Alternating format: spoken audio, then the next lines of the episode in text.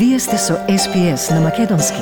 Слушнете повеќе прилози на sps.com.au козацрта на Седонин.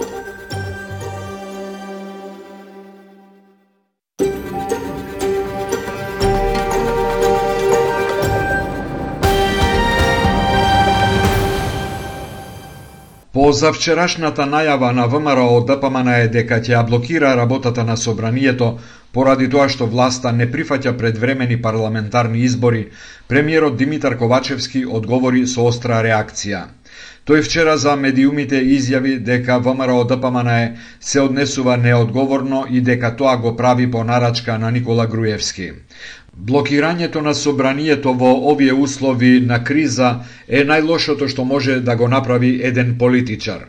Опозицијата и сега блокира над 50 закони, рече Ковачевски. Ова е едно неодговорно однесување, а, кое што не носи добро никому, освен а, на оној кој што тоа го прави, а тоа е Никола Груевски, кој што очигледно дека се уште му дава наредби на председателот на ВМРО ДПМН да прави вакви чекори на Демократска партија, да одбројува денови, да одбројува денови, денес било пети ден, па четири ден, и да се служи со уцени и да се служи со закани. Опозициониот лидер Христијан Мицкоски вчера повторно побара од СДСМ да се согласи за одреден датум за избори и рече дека не добива нарачки од никого. Ова кое што кое што вчера го донесовме како заклучок на седницата на извршниот комитет е практично реакција на акцијата на на власта и за сите понатамошни последици власта ќе биде таа која што ќе биде одговорна. Бидејќи јас лично и ВМРО ДПМН многу пати во изминативе 100 дена повикувавме на зедништво, повикувавме на диалог, повикувавме на на разговор да седнеме, да зборуваме за за проблемите, да зборуваме за одржување на предвремени парламентарни избори. Всушност, пратениците на ВМРО ДПМН е вчера упатија порака до јавноста дека остануваат уште пет дена до почетокот на блокадата на работата на собранието. Ковачевски искоментира дека најавата е неодговорно однесување што не му носи добро никому. Така, ако го погледнеме легитимитетот на оваа влада, таа има и поголем легитимитет во однос на претходната со оглед на тоа дека 64 претеници ја поддржуваат, дополнително и уште една политичка партија а, тоа е партијата Алтернатива. Имаме а, влада со целосен а, политички и легален легитимитет и влада која што има партнери кои што имаат целосно согласена, транспарентно направена и споделена со јавноста владена програма. Мицкоски одговорноста за најавената блокада на законодавниот дом ја префрли на власта која, како што рече, не ги прифаќа повиците за диалог. Тој повторно ја повика владеачката СДСМ на разговори и на брзи предвремени избори. Тоа се наистина толку јаки, пошто вела дека се јаки, дека народот ги сака, тие ќе не декласираат на тие предвремени парламентарни избори, ќе имаат чист мандат, 4 години ќе може да ги спроведат политиките кои што велат дека народот ги поддржува. Така барем тие велат во нивните партиски сообщенија. Единствен начин да проверат дали тоа што го пишуваат во сообщенијата е така е да излезат на избори, да се охрабрат и да видат дали Мицкоски се плашал или се да се плаши. Јас не се плашам. И пратеничките групи на пресконференции излегоа со меѓусебни обвинувања. Дарко Каевски, пратеник и портпарол на СДСМ, рече дека опозицијата и сега прави тивок бојкот на парламентот. Ние како пратеници добиваме плата од граѓаните и граѓаните очекуваат од нас, пратениците, тука во законодавниот дом, во парламентот, да носиме законски решенија кои што ќе бидат во нивни интерес. Такви си оние кои што се закочени, како што кажав, преку 70 на број, Никола Мицевски од ВМРО ДПМН одговори дека собранието е нефункционално поради лошите закони на власта. Секогаш, кога немаат аргументи, почнуваат со закони кои што во основ се криминални. Прв закон кој што го спомнуваат е законот за клиничка болница. Добро знае македонската јавност дека пет години клиничка болница во Република Македонија нема Приклучување кон блокадата на собранието најави и движењето Беса. Лидерот Билал Касами изјави. Со тие капацитети што ги има Беса во случајот со двајцата пратеници во собранието, ние ќе делуваме да имаме активна блокада за тоа што цениме дека после неуспехот да се добие дата, ова влада нема ни најмалку кредибилитет да продолжи понатаму. На најавите за блокада на собранието завчера со реакција се јави и Дуи. Партијата оцени дека опозицијата спроведува институционално насилство кое не оди во интерес на граѓаните. Председателот на собранието Талат Джафери пак рече дека ќе постапува според собранискиот деловник, а дека секоја партија е одговорна пред граѓаните за своето однесување.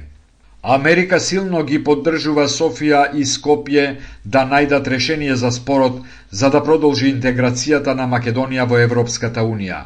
Разговори за таа цел се водат со двете страни, соопшти Нет Прайс, портпарол на Стет Департментот. Ги охрабруваме Македонија и Бугарија спорот да го решат што е можно побргу. Тоа го правиме на билатерална основа, но нема да откриеме детали. Албанија и Македонија мораат заедно да ги почнат преговорите, сугерира Стейт Департментот. Иднината на регионот е во Европската Унија и само така земјите на Западниот Балкан можат да просперираат и да бидат стабилни, вели Прайс. Двете земји создадоа основа и веруваме дека сега е моментот да продолжат кон долгиот процес на пристапување полн со препреки. Преспанскиот историски договор покажа дека земјите на Западниот Балкан се способни да носат тешки одлуки, да прават компромиси и да најдат решенија. Uh, Бугарскиот председател Румен Радев завчера се пожали дека ЕУ врши притисок врз Софија да го укине ветото врз Македонија за преговорите за членство со образложение дека тоа ја доведува во прашање стабилноста на Европа. Председателот Стево Пендаровски синоќа за ТВ канал 5 изјави дека шансите бугарите да го повлечат ветото во јуни се помали од 50 на 100. Пендаровски рече дека последното нарушување на односите почнало од како тој ги примил на средба представниците на ОМО Илинден Пирин. Тој рече дека од тогаш бугарската страна се вратила на стариот речник. Вчера во Институтот за македонски јазик Крсте Мисирков во Скопје беше одбележан Денот на македонскиот јазик. Вчера се навршија 77 години од официјалното усвојување на македонската азбука. Професорите, институтите, политичарите апелираат да се чува и да се негува јазикот, но се прашуваат дали катедрата за македонски јазик е привлечна за студентите. Ако нема нови вработувања, 5 мај ќе биде историски датум на јазик во изумирање, рече на говорницата професорката Беселинка Лабровска. Ќе се доведеме во ситуација во 21. век да си го укинеме сами македонскиот јазик, не заради соседите бугари, не заради Европската Унија, која впрочем и не мора да не прими ако не не сака, туку заради тоа што ќе нема кој да зборува македонски. Предлог законот за македонскиот јазик е заглавен во собранието. Институтот бара што побргу да се усвои, бидејќи така би се отвориле повеќе работни места. Лабровска за новинарите ја даде следнава изјава. Се пропишува задолжително вработување на лектори во сите институции. Тоа значи дека веќе нема да имаме неписмена преписка потоа задолжително вработување лектори во сите медиуми, електронски пишувани, пишани и така натаму. Професорката Искра Пановска, раководител на катедрата за македонски јазик, рече дека негирањето на јазикот на една нација представува и нејзино негирање. Македонскиот јазик е темел на македонскиот идентитет, во најмала рака е еден од неговите најважни столба. Со тоа се негира, негирањето на македонскиот јазик е негирање на македонската нација, нема дискусија. Пред 4 години владата го прогласи 5 мај за ден на македонскиот јазик.